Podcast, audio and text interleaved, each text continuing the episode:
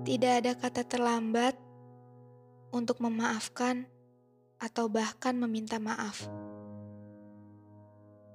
Aku tahu ini adalah salah satu hal yang sulit dilakukan, atau justru salah satu hal yang sulit diterima. Aku pernah berada di posisi sangat merasa kecewa.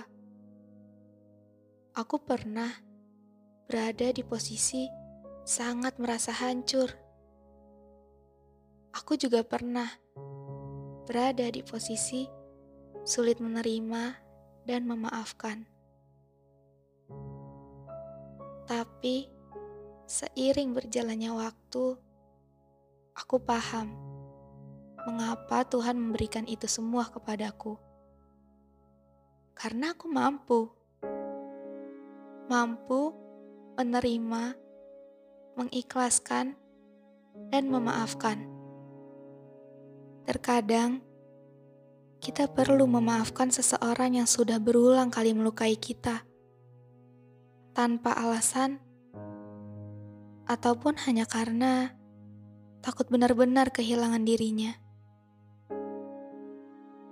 Tetaplah berbuat baik, walaupun tidak dihargai, karena kita tidak tahu apa yang ada di depan sana. Akan ada masanya semua itu akan terbalaskan.